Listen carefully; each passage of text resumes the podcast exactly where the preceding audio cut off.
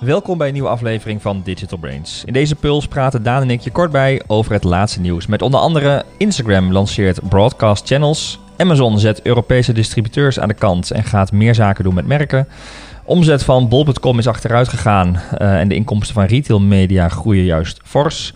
En uh, Wekamp gaat retourkosten introduceren. En de vraag is of dit een uh, kentering zal zijn in e-commerce land. Kleine tipje daar, wat denk je? Ik denk het wel. Denk dat, het wel. Dat, loopt, dat zweeft al heel lang boven de markt. Ja, ja. Um, en in de eerste 48 uur zijn er maar liefst 1 miljoen aanmeldingen voor de nieuwe Bing zoekmachine. Maar we beginnen met uh, Facebook en Instagram, oftewel Meta. Want uh, daar werd uh, bekendgemaakt dat ze aan het testen zijn met een betaalde Verified Badge. Het blauwe vinkje wat je ook op Twitter wel eens ziet. Um, een verrassing. Ze zijn het aan het testen in volgens mij Nieuw-Zeeland. Uh, maar ze verwachten echt dat het snel uitgerold gaat worden. En dat blauwe ja. vinkje, want dat is niet alleen dat je geverifieerde gebruiker bent. Hè, en dat is vaak waarom ze een beetje hè, dat willen. Van ben je echt wie je bent. Hè? Ja. Dus die, die fake accounts terugdringen. Maar in dit geval is het een betaalde verificatie. Uh, voor waarschijnlijk 12 dollar per maand. Um, en dat niet alleen, je krijgt ook privileges. Uh, je bereik wordt groter. Uh, je, mag, uh, je mag uiteindelijk meer met, uh, met, met, je publiek.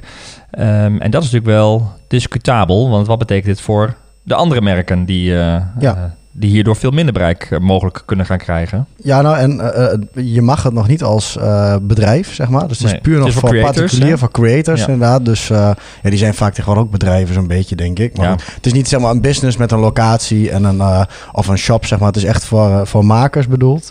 En, eh, en het is eigenlijk al, ja, het is niet echt een test. Het is ook echt live. Ja, live test. Het is niet Ja. een feature die ze even aan en uitzetten. Het is gewoon echt een ding waarvoor je in Australië en Nieuw-Zeeland aan kan melden. Het is er. Ja. Ja, zit een beetje prijsverschil in. Ik dacht eerst, hè, op, voor desktop en mobile apart. Maar dat is dus de pricing van als je daarvoor aan wil melden, als je dat via je mobiel doet, betaal je nog ietsje iets meer, meer. Omdat je dan eh, tussen de app stores zit, zeg maar. Dus Meta heeft, niet draagt dan de rest af aan Apple. En, eh Oh, en dat dan is, het gewoon die, goedkoper, zeg die maar. 30 procent. Ja. dus als je op een mobiel dat koopt, gaat het via de App Store duurder, en ja. moet je, moeten ze fee betalen. Ja, maar zo particulier is het, zeg maar. Dat je Ja. dus gewoon via je creditcard in een app store af kan rekenen. En je bent in één keer verified. Mhm. Het is wel een verrassende wending, want dat is juist... eh, Elon Musk heeft dat ook gedaan bij Twitter. Ja. Als, maar dat is eerst eigenlijk fout. helemaal mis. Ja. Iedereen, want het, het ging eigenlijk helemaal niet om ja, per se verified zijn. Het was gewoon eigenlijk een blauw vinkje betekende ik heb betaald.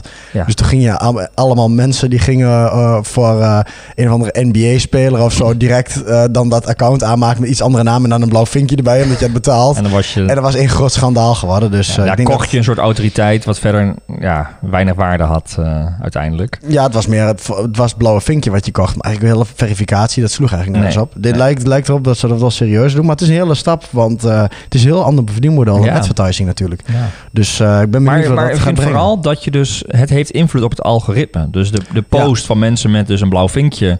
of een symbool in ieder geval... die krijgen een groter bereik. Hè? Die gaan de, de, de, je bereik wordt beter, je organisch bereik.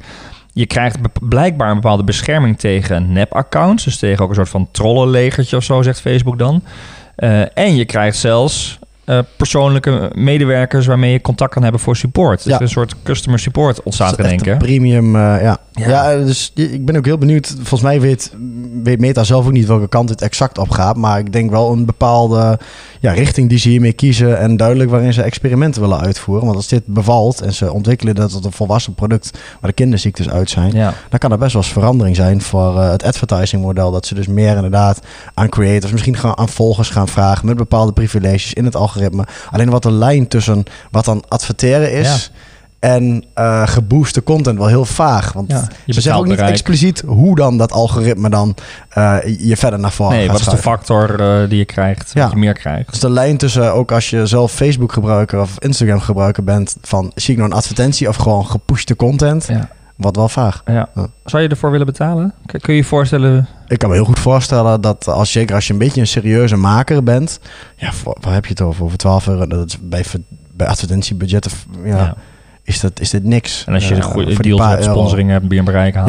Ja, en ik denk ook op een gegeven moment, dat is wel een slimme strategie. Want als je op een gegeven moment meer creators dat gaan krijgen, dan wat een beetje, als je serieus bent, heb je een blauw vinkje. Ja. Dus dan gaat iedereen dat doen. En dan heeft Facebook misschien wel een extra verdienmodel. Want ze nemen ook geen afscheid van advertising of zo. Nee.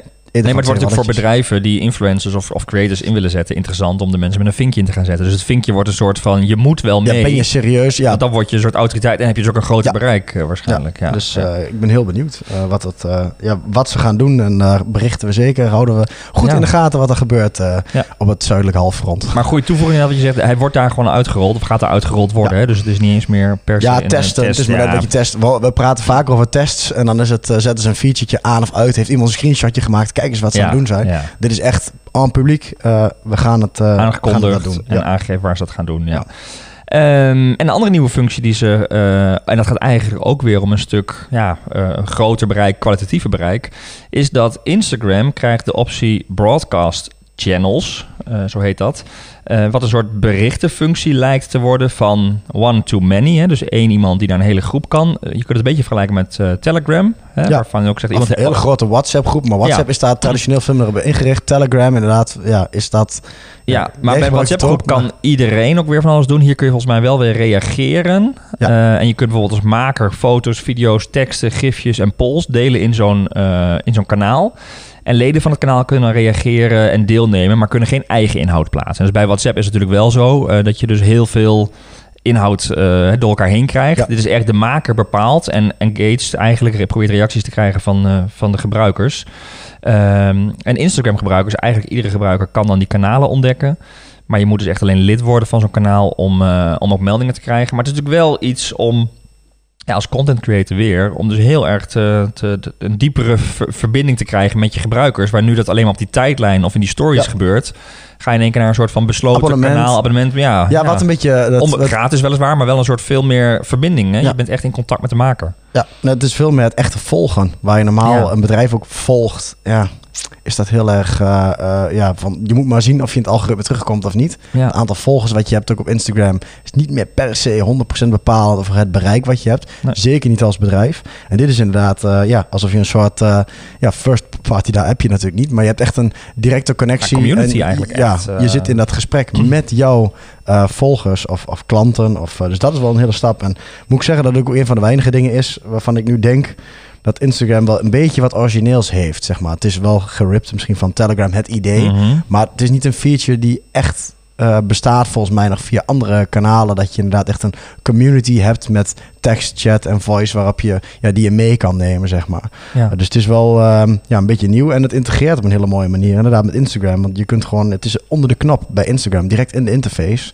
Dat Van, maakt hey, het ook zo, denk ik, toegankelijk. volg Want Telegram zie je toch alweer, dat is weer een andere app. Daar vind je maar weer een andere groep. Ja. En hier kun je natuurlijk gewoon de mensen die je eigenlijk op Instagram al volgt, de makers, en die dit gaan, gaan starten eigenlijk, Blijven ja, bereiken. zitten bij elkaar. Hè? Ja. Je hebt en de content en, eh, en het voordeel van nou, die, een stukje extra community. Ja, en in tegenstelling tot die verified badge, eh, die nog niet voor bedrijven beschikbaar is, is dit ook wel iets waar je ook ehm, ja, als organisatie Ja. als marketeer ook echt wat mee kan om eh, in, in broadcast echt een publiek op te gaan bouwen.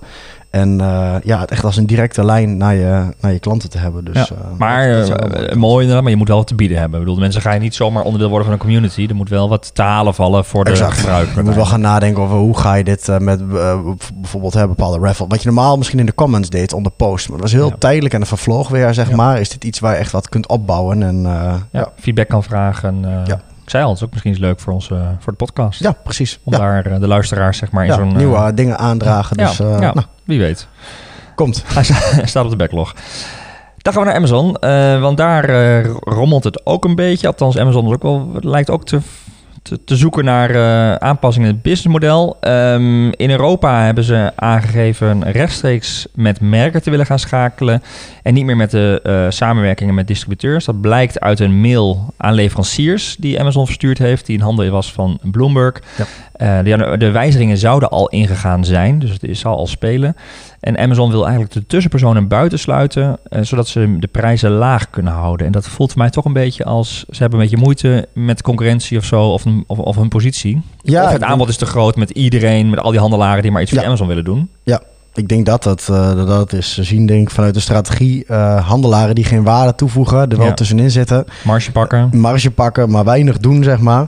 Eh, en ze hebben, ja, Amazon heeft natuurlijk perfect de data. Dus ze hebben een hele grote machtspositie in de keten. En dus inderdaad gewoon meer eh, direct eh, gaan doen. Ja, het is gewoon, denk ik, een efficiëntieslag, een operational excellence strategie gewoon volgen. Dan is het logisch dat je dat er tussenuit zet. Alleen het is natuurlijk wel echt een spanningsveld. Want dan ben je dus een distributeur, doe je goede zaak met Amazon. Dus precies waar iedereen ja, een beetje ehm, ehm, De macht komt weer bij de negatief ook over is natuurlijk. Van, Amazon bepaalt wie erop mag en wie ja, er eh, dan mag. heb jij dus als distributeur eh, moeite gedaan om een product wel te introduceren in de markt. De risico's gelopen. eh, de, de, de hele logistiek gedaan als dat eenmaal groot genoeg is. Ja. Zegt Amazon en ik, hé hey, dankjewel. Je bent overbodig geworden. En ja, wij hebben de klanten, jij niet. Dus uit de weg. En eh, dat, is, dat is wel een, een gekke dynamiek. Maar goed, ja, zo hard gaat het eraan toe. Aan de andere kant kun je je ook afvragen. Kijk, Amazon wil natuurlijk ook die, volgens mij, die inspiratie, de branding, die, die, dat portaal veel meer zijn.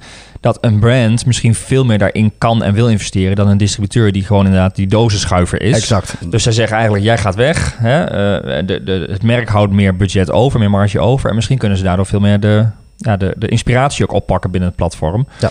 Eh, en aan de andere kant, vorig jaar heeft Amazon geloof ik 23% van de omzet, eh, een daling gehad van 23% van de omzet ten opzichte van het jaar daarvoor. Dus er zit ook wel gewoon een...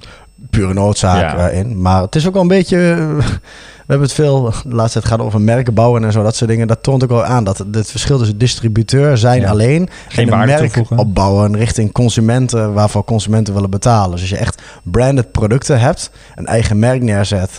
Eh, goed met je productcontent bezig bent. eh, iets Ja. uniekers bieden ten opzichte van anderen die gewoon puur ja, AliExpress eh, import zeg maar doen. Mhm. Maar echt een productlijn neerzetten met echt een merk, ook op Amazon.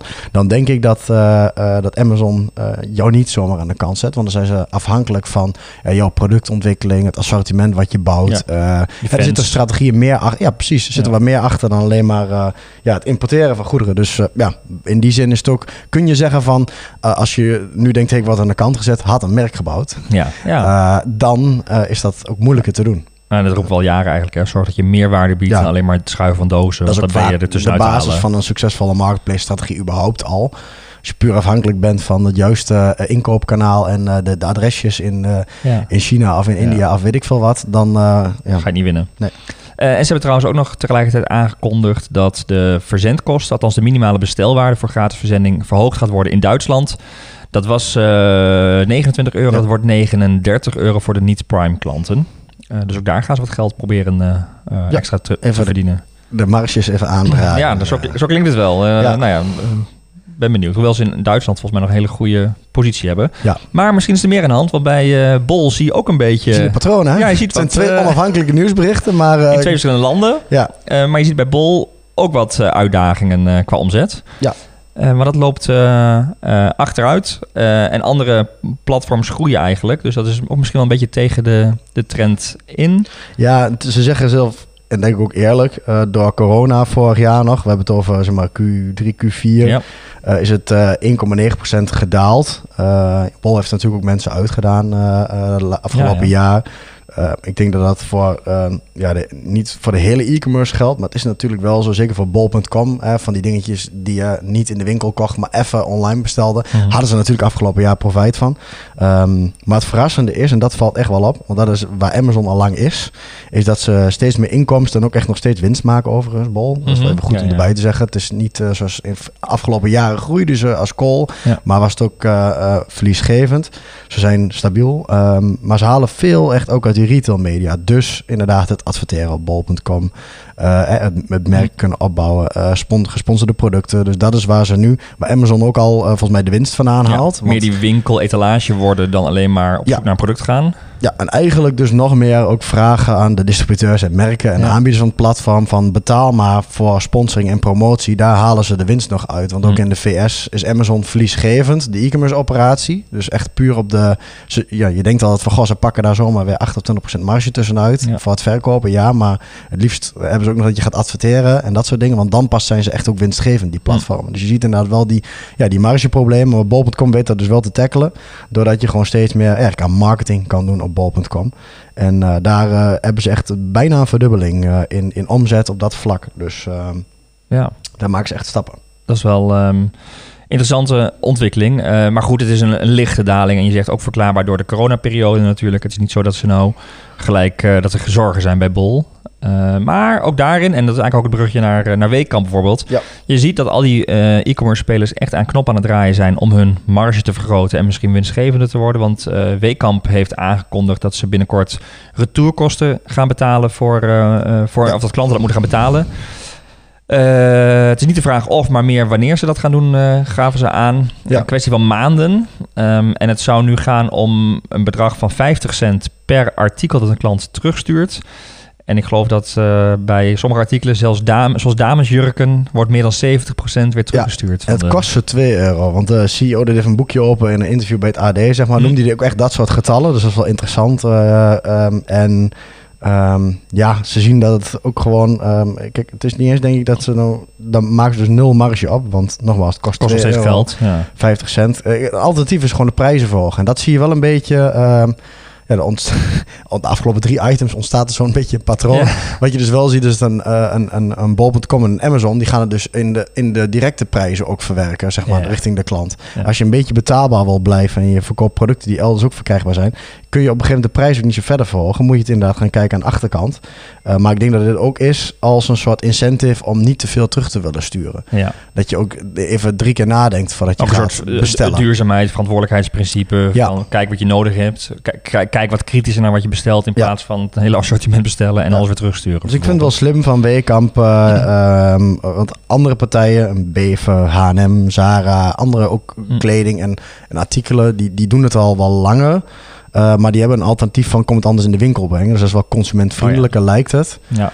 Ehm, ik weet niet of het echt logistiek ook veel voordeliger is. Dat Nee. je, ja, dan heb je het op een andere locatie Ja. en je moet ook terug. Je voorraadbeheer heb je helemaal Ja, je hebt dan geen PostNL of eh, retourkosten via een DHL of Ja. elke eh, logistieke provider. Maar je hebt het in een winkel liggen en moet ook natuurlijk ergens mee terug. Maar ik denk dat het vooral is te doen om ook te testen van hoe reageren klanten daar nou op. Als je inderdaad 50 cent per product. Ik vind het heel schappelijk. Ja, ja. Eigenlijk, als je gaat kijken, ja, je bestelt eh eh, 10 kledingstukken. Nou, doe je er een keer 5 terug, is 2,50 euro.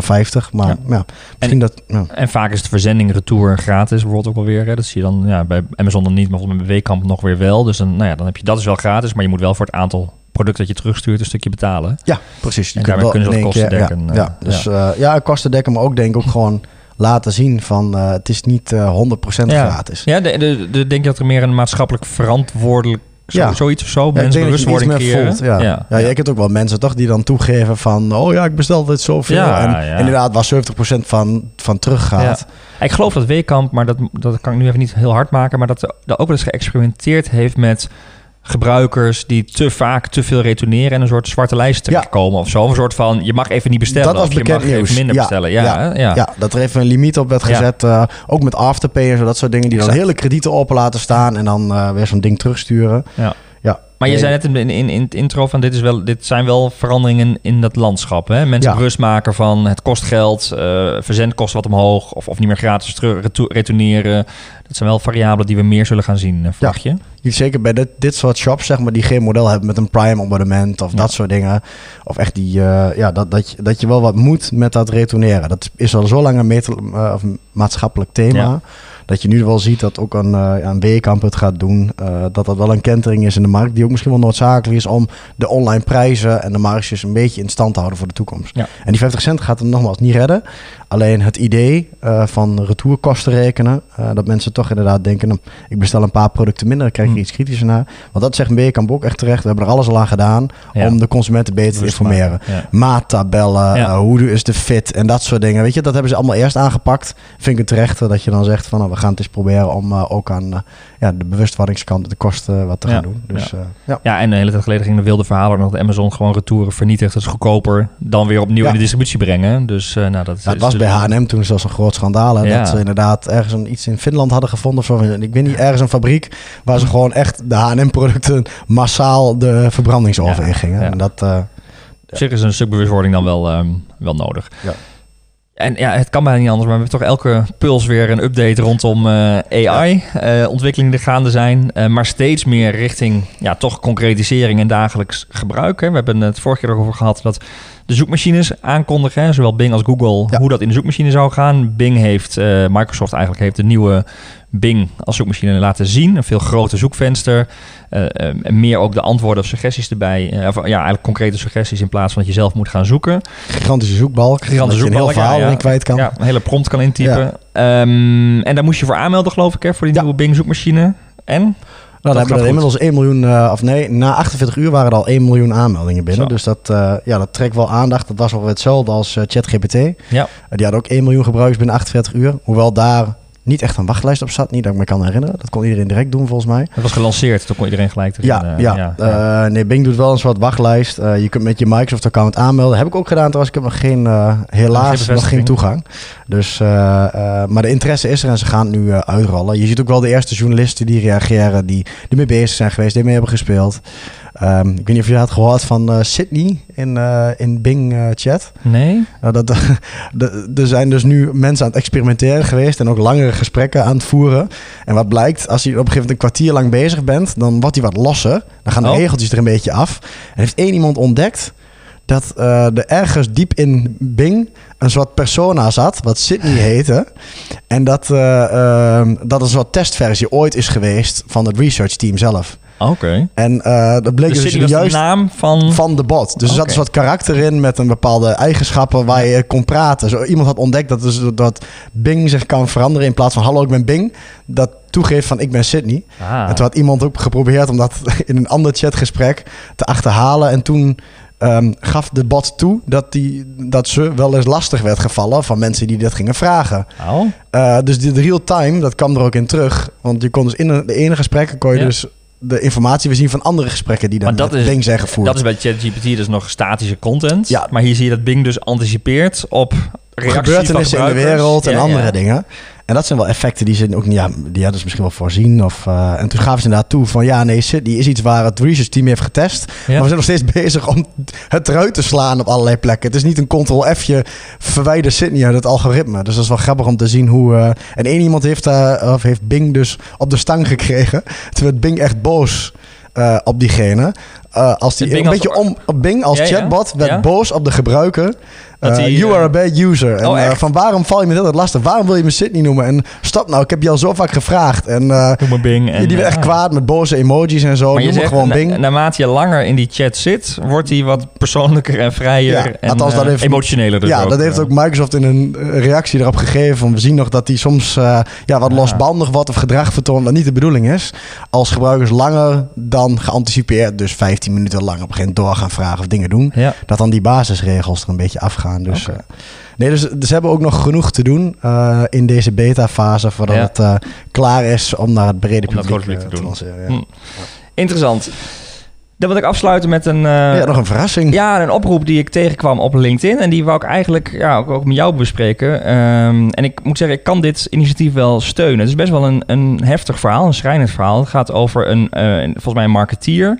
Die schrijft op LinkedIn over zijn ehm, eh, ervaring. Ehm, hij heeft, een, nou, ik geloof een maand geleden, zat hij bij zijn buurman en die kreeg een hartstilstand. En ehm, hij moest dus op dat moment eh, gaan reanimeren maar had geen actuele eh, kennis van reanimatie. Eh, Dat is natuurlijk uit in de basis helpt het natuurlijk als we allemaal cursussen volgen Ja. en weten hoe je moet reanimeren.